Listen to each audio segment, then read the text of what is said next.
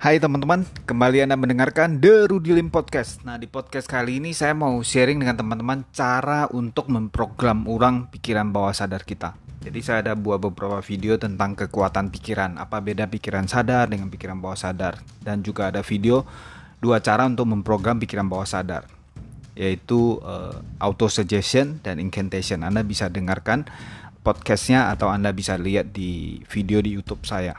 Nah, masih ada banyak yang bertanya bagaimana caranya, bagaimana untuk menghilangkan mental block dan sebagainya. Sebenarnya bagaimana untuk bisa install ulang program pikiran bawah sadar atau bagaimana dengan sadar kita bisa memprogram, memilih program-program atau apa thoughts yang masuk ke dalam pikiran bawah sadar kita. So, saya akan bahas di podcast kali ini.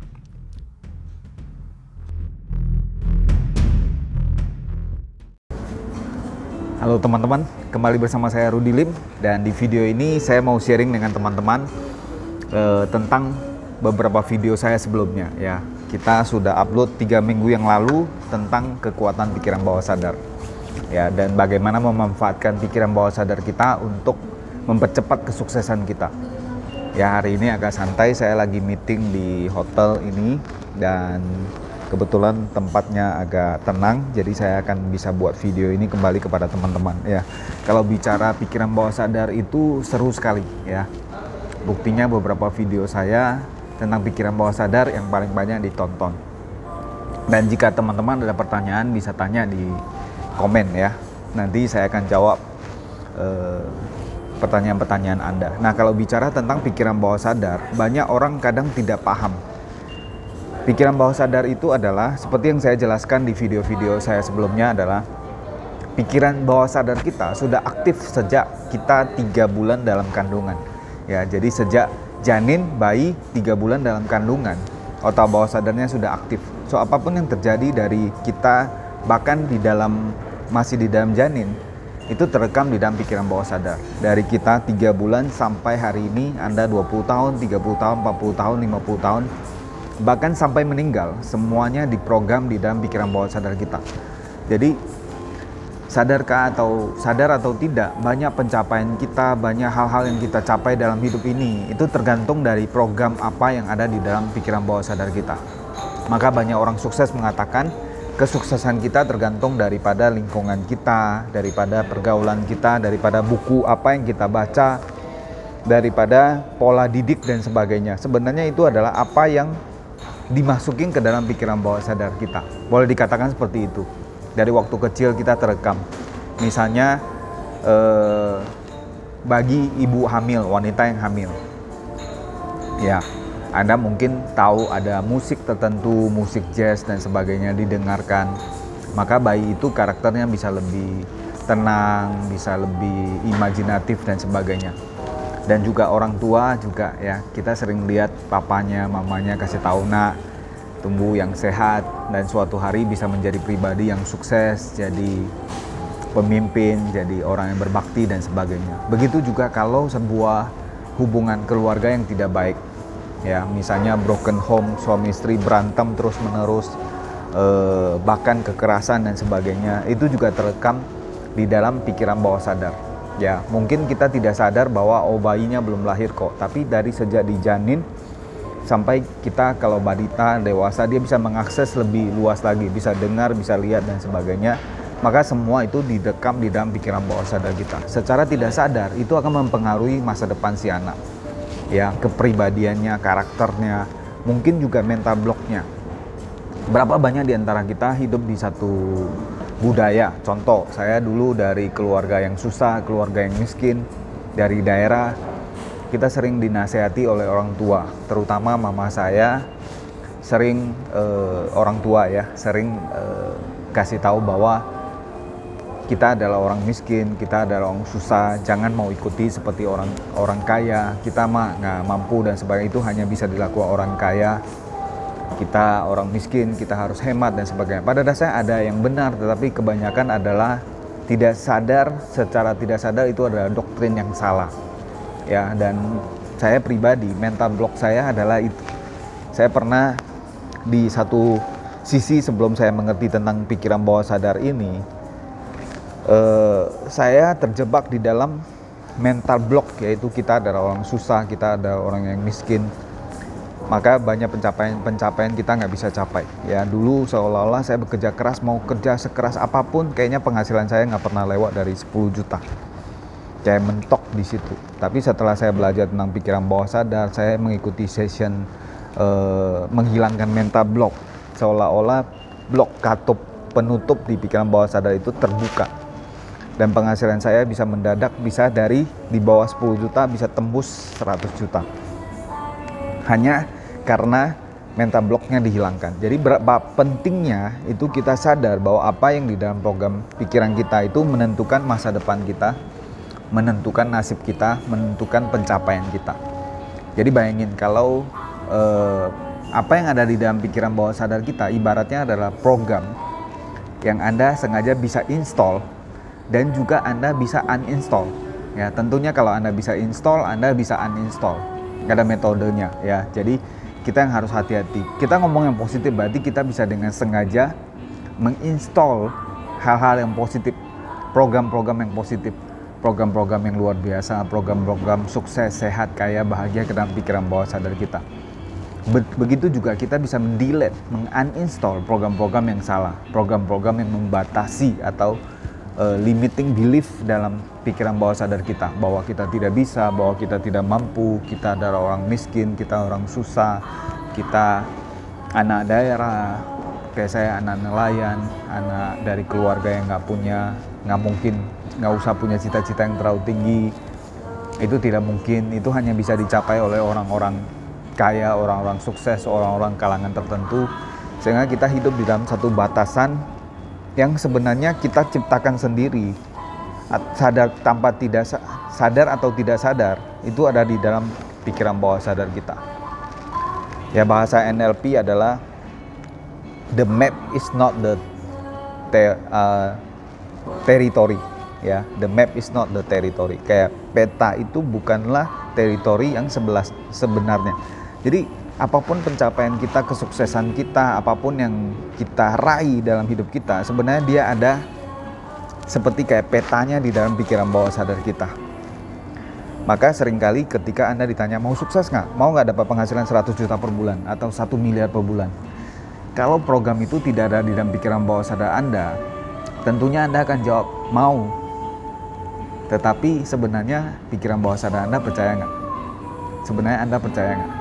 Enggak anda mungkin ketawa ya sambil jawab sambil ketawa e, nggak mungkin boro-boro 100 juta 10 juta aja susah apalagi sekarang lagi pandemi banyak orang di PHK banyak orang bisnisnya bermasalah apalagi ketika diminta untuk berpikir punya income pasif income contohnya satu miliar per bulan kita berpikir bahwa itu tidak mungkin Kenapa? Karena itu belum ada di dalam pikiran bawah sadar kita. Program itu belum ada di dalam pikiran bawah sadar kita. Tetapi bayangin kalau saya contohnya atau Anda hidup di satu keluarga konglomerat atau keluarga pengusaha sukses, pengusaha kaya yang punya uh, revenue atau income setiap bulan puluhan bahkan ratusan miliar per bulan. Ketika ditanya mau nggak punya penghasilan satu miliar per bulan, jawabannya sangat gampang sekali, mau atau ya saya sudah ada, sudah punya ya nggak mau. Kenapa? Karena saya sudah punya contohnya seperti itu. Jadi akan beda sekali. Tetapi satu hal yang positif mungkin anda berpikir kalau begitu sukses kita tergantung nasib dong. Apakah Tuhan itu adil? Ya kenapa? Karena ada yang dilahirkan di keluarga yang lahir sudah kaya raya auto auto sultan auto kaya raya. Ada yang lahir dalam keluarga yang susah miskin dari daerah dan sebagainya yang harus berjuang keras untuk kehidupan ini. Kalau saya memandang itu mungkin waktu kecil saya juga berpikir seperti itu. Kadang saya berpikir saya komplain sama Tuhan, kenapa saya dilahirkan di satu keluarga yang biasa-biasa, keluarga yang miskin atau boleh bilang di bawah garis kemiskinan. Ya. Tapi setelah sampai tahap ini, sampai hari ini saya bersyukur. Ternyata apa yang ada di dalam pikiran bawah sadar kita tidak selalu harus sesuai realita. Jadi kita memilih ketika kita udah sadar, kita bisa memilih dan justru proses uh, dari keluarga yang miskin, dari keluarga yang susah, proses perjuangan hidup selama ini itu yang membentuk hidup kita sampai hari ini. Dan kita harus mensyukuri apa yang telah ber, berlalu. Kayak saya pribadi, saya bisa jadi seorang motivator, saya bisa jadi seorang sales trainer, uh, bisa berbicara di berbagai industri dan sebagainya. Justru karena pengalaman hidup saya.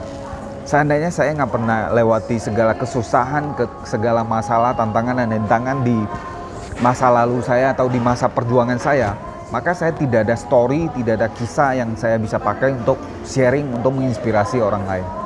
Karena apa yang saya sharing itu hanya akan berupa sebuah ilmu aja, sebuah kata-kata atau sebuah motivasi saya saja. Dia tidak akan punya value. Tetapi kalau saya udah melewati prosesnya, lewat perjuangan yang susah akhirnya bisa maka banyak story yang saya bisa uh, jelasin. Bagaimana proses saya ditolak bagaimana proses saya pernah jalan kaki. Dulu saya uh, kuliah di binus saya pernah jalan kaki. Dari binus ya Slippery binus pulang ke uh, Jakarta Utara di Telegong karena saya tinggal kos di situ ya karena saya kehabisan ongkos dan sebagainya Nanti Anda bisa baca di buku kedua saya, autobiografi saya tentang kisah perjuangan saya. Ya, saya nggak mau jelasin di video ini. Tapi atau ada beberapa wawancara saya di The Inspirator dan di acara Miss Mary Riana juga saya pernah diwawancara di radio waktu itu ya Sonora Anda bisa cari Anda bisa dengarkan sedikit kisah perjuangan saya. Nah, kembali ke topik tentang program di dalam pikiran bawah sadar. Maka Oke, kesimpulannya apa? Kesimpulannya adalah apa pun kondisi Anda saat ini, apa pun latar belakang Anda, Anda bisa secara sadar menganalisa, membikin seperti yang saya katakan ada tiga tahap di video saya sebelumnya ya, 1, 2, 3, 7 untuk sukses DIY 1, 2, 3, 7. Kalau Anda belum nonton, Anda nonton dulu ya. Itu saya mengatakan ada tiga tahapan dalam mencapai kesuksesan kita. The 3D of success yaitu satu, design your future.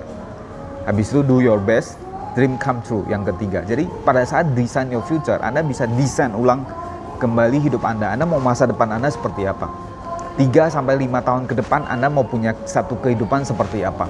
Anda bisa desain dari sekarang, Anda bisa tuliskan apa yang Anda mau capai dan membuat impian itu gratis ya. Mungkin next video saya akan bahas khusus tentang impian.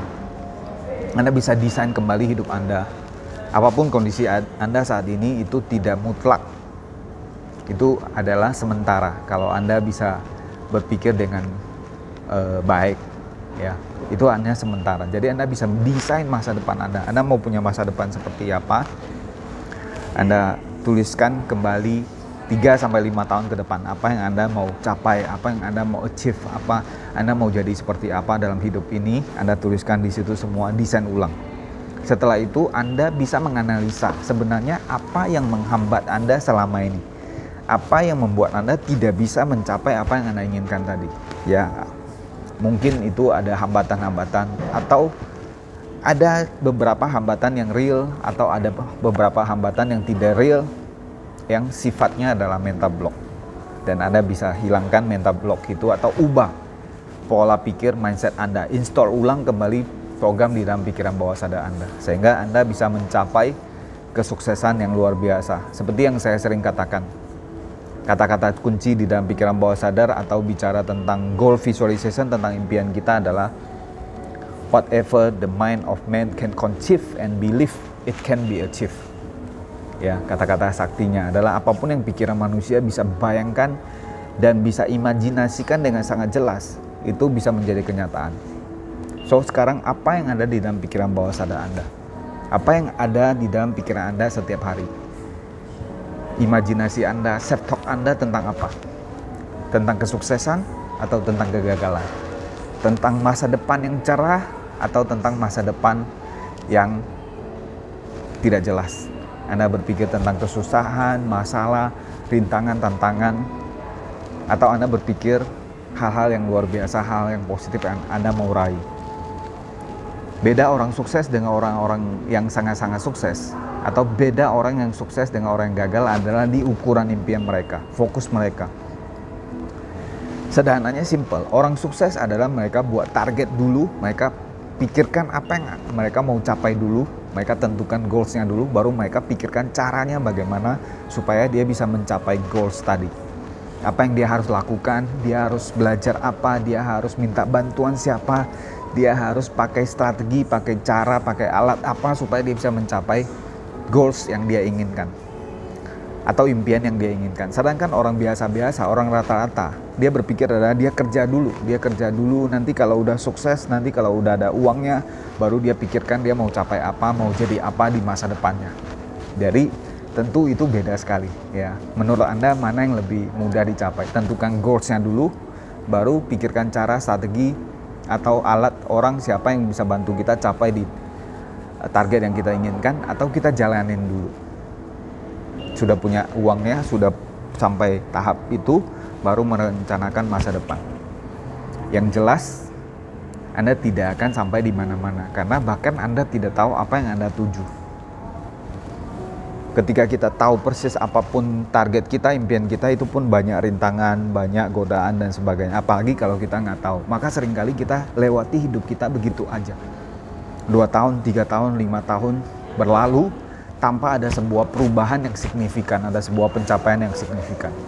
Ya, so di video ini saya mau sharing uh, dengan Anda bagaimana Anda memprogram kembali pikiran bawah sadar Anda, bagaimana Anda mendesain kembali masa depan Anda, hidup Anda, dan saya siap membantu Anda untuk uh, coaching, untuk training, dan juga untuk semua pertanyaan di YouTube komen. Biasanya saya ketika saya sempat saya akan baca dan saya balas. Sampai hari ini semua komen saya balas.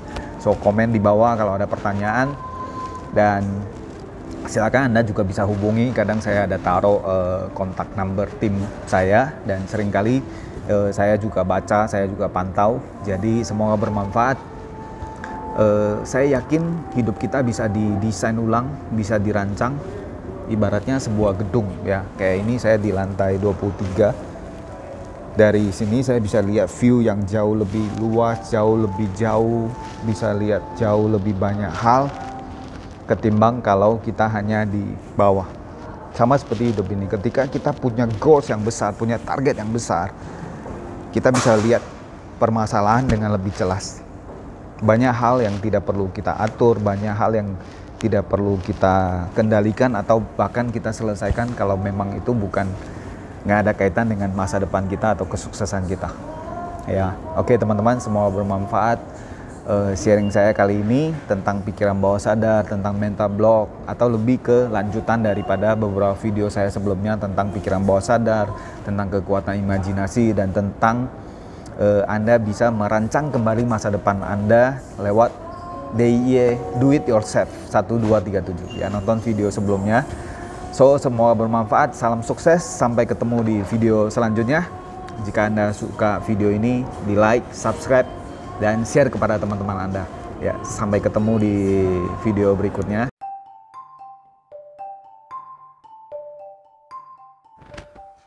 So teman-teman setelah Anda tahu cara bagaimana menginstall ulang pikiran bawah sadar Anda dengan maksud anda dengan sadar mengetahui apa saja yang masuk ke dalam pikiran bawah sadar dan Anda tidak membiarkan hal-hal yang negatif atau omongan, doktrin, program-program, informasi yang negatif masuk ke dalam pikiran bawah sadar Anda. So, Anda dengan sadar bisa memilih apa yang ada masuk ke dalam pikiran Anda dan itu akan menentukan masa depan Anda. Karena apa yang ada di dalam pikiran bawah sadar Anda secara dominan itu yang akan terwujud dalam hidup Anda.